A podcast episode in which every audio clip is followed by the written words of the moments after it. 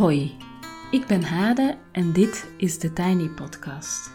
Vandaag is het maandag 5 juli 2021 en vandaag checken we even in. Deze zomer is er niet, zoals normaal, elke weekdag een Tiny Podcast, maar ik vind het wel fijn om elke maandag even in te checken. Bij jullie, bij mezelf. Ik weet dat er een aantal mensen meedoen met de check-in en daar bijvoorbeeld al een eigen schriftje voor hebben en er echt even een momentje van maken om bij zichzelf stil te staan.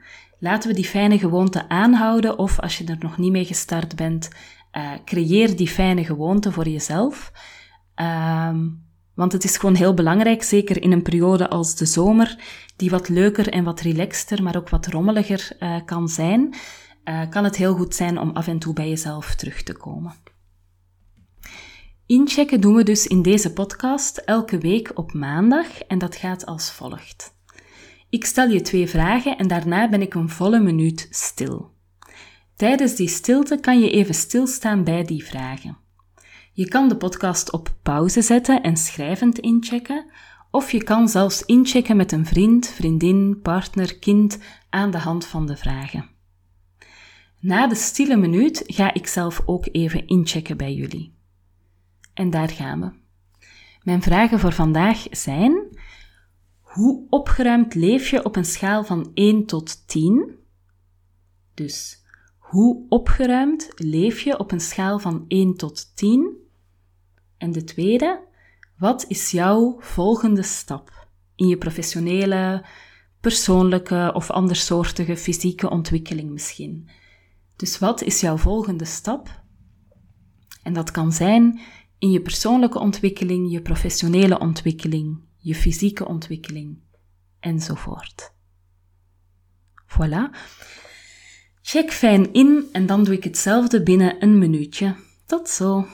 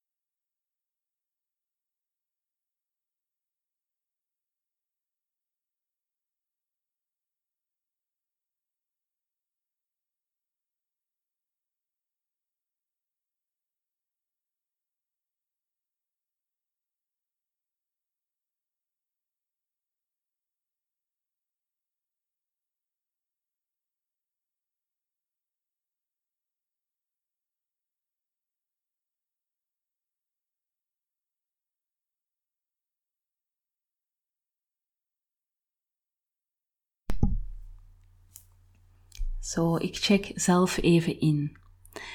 Hoe opgeruimd ik leef. Uh, de Marie Kondo hype is een beetje aan me voorbij gegaan.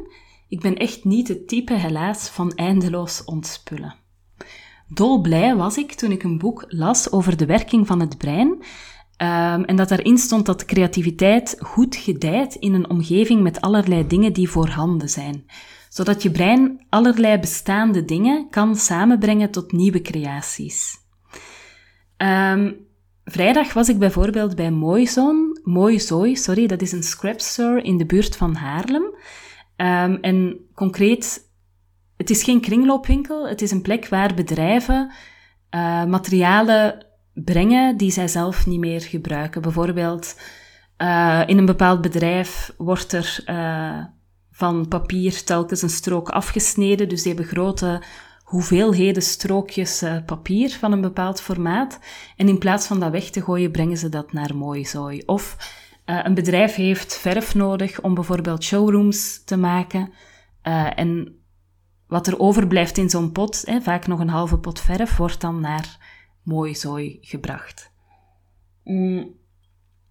Het is echt een heerlijke plek. er is heel veel, bijvoorbeeld op dit moment heel veel knopen, heel veel kant, heel veel dingen voor het naaien, heel veel stof, allerlei stofjes, grote, kleine. Uh, ja, dan allerlei soorten doosjes. Um, toen ik er vrijdag was, lagen er bijvoorbeeld ook allemaal papieren letters in allemaal kleuren. Ehm, dus altijd heel leuk om daar rond te kijken. Um, ik moest daar zijn om iets weg te brengen en ik ging natuurlijk ook even kijken bij het papier en ik heb een tasje vol papier geoogst. Gekleurd papier, oud papier, ruw papier en extreem glad papier. En ook stickertjes met nummertjes. Wat ik daarmee ga doen, geen idee. Maar alleen al het voelen aan dat papier en ermee bezig zijn en het hier in mijn tiny office hebben, maakt dat er zin ontstaat om iets te maken. Dus iets maken begint bij mij niet bij uh, een idee hebben en dan exacte afgemeten materialen gaan kopen om dat te realiseren, maar eerder omgekeerd. Er is materiaal en vanuit dat materiaal komt het idee. Um, en daar gaat het denk ik voor mij om. Maar naast het feit dat creativiteit vraagt om materiaal dat voorhanden is, waarvan je dus iets nieuw uh, creëert, ben ik ook door mijn opleiding Deep Democracy wel gaan zien dat ik opgeruimder wil leven. Niet dat het zo vreselijk is, maar uh, zoals iedereen denk ik heb ik toch wat plekken die wat minder opgeruimd zijn dan ik zou willen. Ik heb vast al een keer in de podcast verteld over fractale patronen, uh, maar ik leg nu nog even uit dat je die kan zien als Russische popjes die je in elkaar zet. Van klein tot groot, allemaal hetzelfde. Op dezelfde manier zijn er patronen in ons leven die in het klein en het groot voorkomen. Ook in organisaties bijvoorbeeld. Ik werkte bijvoorbeeld bij een um, organisatie met allemaal fijne mensen in nette kleding. Uh, voor de mannen betekent dat dan in pak. Um, en er was iets fijn en fris dat eigenlijk doorheen de inrichting, de inrichting van het gebouw liep en hoe dus al die mensen uh, hun best deden om netjes voor de dag uh, te komen. En op een dag ging ik een sessie geven bij een soort tegenhanger van onze organisatie, uh, waar alles net heel stoffig leek. Dus ik kwam op die afdeling. Het was daar echt donker, stoffig, met TL-verlichting, weinig ramen ook. Um, en de medewerkers zelf oogden ook wat onverzorgd en hadden allemaal vale kleuren aan. Tot en met dat er in die sessie een vrouw zat met een bodywarmer aan. Nu, ik heb absoluut niks tegen bodywarmers, uh, maar als ik destijds met een bodywarmer naar mijn werk was gegaan, dan was ik denk ik wel even naar huis gestuurd of toch aangesproken dat dat niet zo netjes was. Het was echt zo'n bodywarmer die je op een boerderij of zo uh, verwacht. Dus op die plek had je zo'n soort van stoffigheid in stapels papieren, boeken die overal lagen, een soort van vale ongezelligheid. Uh, ik denk niet zozeer dat het opfrissen van die kantoorplek een, soort rechtstreekse oplossing zou zijn om te zorgen dat die medewerkers de volgende dag tot in de puntjes verzorgd uh, naar het werk zouden komen en dat er dan meteen ook mentaal een frisse wind zou waaien. Uiteraard niet zo makkelijk. Ja, het zou leuk zijn als het zo makkelijk was, maar zo makkelijk werkt het niet. Maar toch geloof ik daar ook wel een stukje wel in dat je een fractaal patroon installeert dat volgens mij zachte en krachtige veranderingen in gang zet. bijvoorbeeld het opfrissen van zo'n plek en het opruimen van zo'n plek. Het oude wegdoen ook, zo dingen die daar maar blijven liggen, misschien zelfs van mensen die er niet eens meer werken. Dat je daar ruimte schept door die dingen, door daar afscheid van te nemen, denk ik dat wel doorwerkt in hoe mensen werken, hoe trots ze ook zijn dat ze daar werken, hoe ze zich daar voelen enzovoort. Terug naar mijn staat van opgeruimdheid. Mm, ik denk dat het vast herkenbaar is voor veel mensen, maar typisch voor een drukke periode. Bij mij is dat alles wat begint te versloffen, dus zowel thuis als hier op mijn tiny office. De laatste maanden had ik dat gemerkt, dat ik echt zo werkte aan een project, uh, dan de stapels papieren die daarbij hoorden opzij schoof om dan meteen aan het volgende project uh, te beginnen. Uh, en dan, dan eindig je ook, ik kijk er nu naar, met zo'n stapel met van alles, wat je eigenlijk ook al niet meer weet van wat zit daar dan exact in. Ehm, en dat heeft te maken met gewoon dat je van het ene naar het andere gaat. dus had ik gemerkt van, goh, ik zit de laatste tijd wel heel erg dat ik mij onderdompel in allerlei drukke deadlines. En ik heb voor mezelf besloten dat het tijd is om een pauzeknopje in te drukken. Om niet meer in die cyclus van creëren en presteren te blijven, die elkaar heel snel afwisselen. Uh, maar ook een keer te kunnen gaan graven, opruimen, opfrissen. Uh, mijn tiny office is bijvoorbeeld heel klein en ik kan dat een heel fijne ruimte vinden, maar op dit moment vind ik het soms een beetje benauwend, omdat er gewoon te veel spullen zijn en het kan wel weer wat lichtheid en wat ruimte gebruiken. Intussen is mijn pauzeknopje waar ik voor gekozen had alweer bedolven onder allerlei spannende gebeurtenissen die zich aandienen, in de vorm van een vraag van een organisatie waar ik mee in gesprek ben. Um, en als ik ja zeg, zou dat eigenlijk betekenen dat ik nu weer een startknopje indruk en liefst nog, zeg maar, woensdag of zo alvast. Um, maar omdat ik nu aan het inchecken ben en dit allemaal vertel, denk ik uh, van ik moet echt heel bewust kijken naar deze zomer. En zelfs als ik dat startknopje woensdag indruk en meteen een aantal uren per week ook uh, in beslag wordt genomen door die, door die uitdaging, dan nog moet ik echt zorgen dat ik uh, aan mijn zomervoornemens toekom. En die zijn toch echt wel opruimen, uh, ook in mijn hoofd opruimen en leren suppen. Maar daar had ik al een keer over verteld. Voilà. Um, wat mijn volgende stap is. Ik hoop dat ik in de volgende incheck op maandag met jullie kan delen wat ik de komende tijd ga doen als ik dat startknopje voor die opdracht uh, indruk. Het lijkt me heel fijn om dat te vertellen, maar op dit moment is het nog net te vroeg. Um, maar wat wel een van mijn volgende stappen is, is dat ik graag een opleiding wil doen in september over rituelen.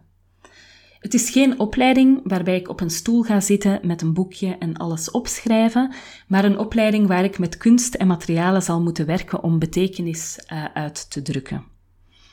In onze samenleving psychologiseren en rationaliseren we heel vaak. Psychologiseren is bijvoorbeeld mensen die rouwen naar de psycholoog sturen en liefst ook langs de huisdokter voor een doosje antidepressiva, terwijl rouw bijvoorbeeld geen ziekte is en helemaal niet hetzelfde als depressie, maar net een gezond iets als je van iemand gehouden hebt die bijvoorbeeld door een relatiebreuk of een overlijden uit je leven verdwenen is. Mm. Rouwen kan ook gaan om bijvoorbeeld het afscheid van een hoop, een wens, een verwachting. Het hoeft niet altijd rouw te zijn om iemand.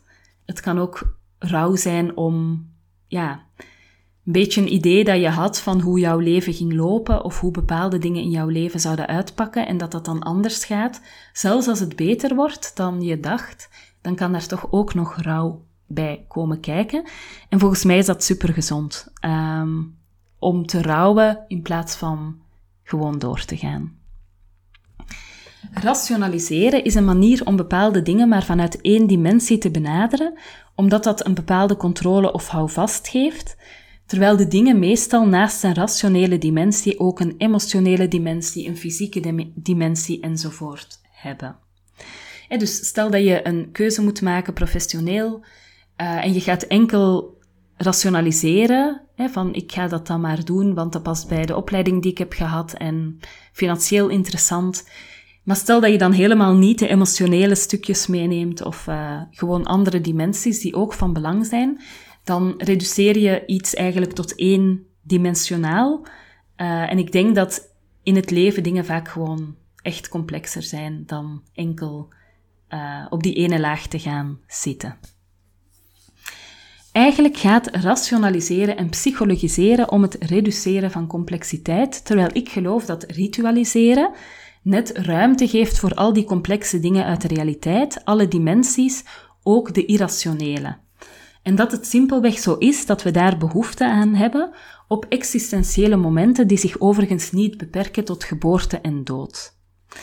Um, ik voel dat het tijd is voor mij om daarmee meer te werken en ik hoop dat het haalbaar is om die opleiding inderdaad mee te doen en van daaruit weer verder te bewegen in mijn ontwikkeling. Voilà. Tot slot. Um, ik ben op zoek naar verhalen alweer. Ik zoek nu heel concreet verhalen over er voor jezelf zijn. Veel mensen vinden dat moeilijk, vooral vrouwen. Dat merk ik bijvoorbeeld bij mijn cursisten. Uh, heel vaak hoor ik verhalen van de man des huizes heeft een eigen schuur en een eigen werkkamer. En de vrouw heeft de keukentafel, waar iedereen dan nog even zijn sleutels en zijn, uh, weet ik veel wat, zijn tas opgooit als hij thuis komt. Um, ik hoor ook heel vaak dat mannen vaste momenten hebben waarop die met de mountainbike het bos intrekken. Terwijl de vrouw dan vanzelfsprekend voor de kinderen zorgt en haar eigen sportmomenten bijvoorbeeld plant uh, na kinderbedtijd. Mm. En ik weet dat ik hier een beetje een cliché beeld ophangt, ophang. En dat er natuurlijk ook koppels zijn uh, uh, met twee vrouwen, twee mannen, waarin andere dynamieken spelen.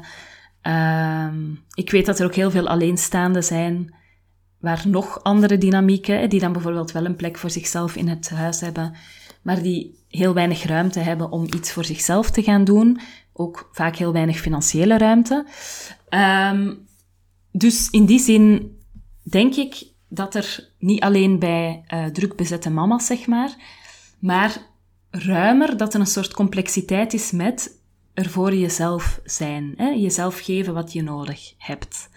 Volgens mij is er een moeizaamheid rond het nemen en claimen van ruimte en tijd voor jezelf. En ik denk dat heel veel maatschappelijke principes daartoe bijdragen. Ik zoek daar specifiek verhalen over, zowel over de weerstand en van wat maakt het voor jou moeilijk om tijd en ruimte voor jezelf te nemen en te claimen, um, als succesverhalen ben ik ook op zoek, maar ook wat gebeurt er als je, dat, als je veel te lang doorgaat zonder die ruimte te nemen en te claimen. Dus ook verhalen van de impact als je het niet uh, kan doen.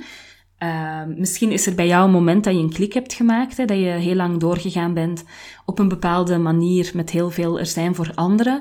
En dat er iets gebeurd is in je leven waardoor je de klik hebt gemaakt van ik moet en ik wil er ook voor mezelf zijn en dat ga ik op zo'n manier aanpakken. Dus ik ben echt heel erg op zoek naar die verhalen. En je mag me mailen op thetinypodcast.gmail.com als je zo'n verhaal met mij wil delen. Dan, last but not least, deze zomer wordt er een nieuwe website gemaakt en ik vrees dat dat een helse klus wordt. Uh, ik moet het niet zelf doen, maar ik moet het natuurlijk wel aansturen. En ik heb daar heel fijne mensen voor, maar uh, ja, ik vind zulke dingen toch altijd even moeilijk. Uh, deze zomer is er geen zomeraanbod, maar mijn cursussen waarvoor je ingeschreven bent, blijven wel beschikbaar. Die staan niet op mijn website, maar op Courseflow, dus in die zin kan je die daar altijd blijven raadplegen. Uh, meteen na de zomer, op 7 september, start er een vrouwencirkel, een reeks van 10. En daar zijn nog enkele plekjes, uh, dus ik nodig je van harte uit om deel te nemen en dus in te schrijven door, uh, voor die dinsdagavonden, telkens van 20.30 uur tot 21.30 uur. Tot zover voor vandaag. Je kan me volgen op Instagram, at TheTinyPodcast. Als je je abonneert via bijvoorbeeld Google of Apple Podcast, in Spotify of in je favoriete podcast-app, krijg je telkens de nieuwste aflevering in je overzicht. Normaal is dat elke weekdag, maar deze zomer is dat elke maandag. En als je de podcast doorstuurt naar iemand die er ook graag naar luistert, of hem deelt op social media, dan help je me om de podcast te laten groeien. Ik wens je een heel fijne dag en heel veel goeds. Uh, ja, en heel graag tot volgende week maandag.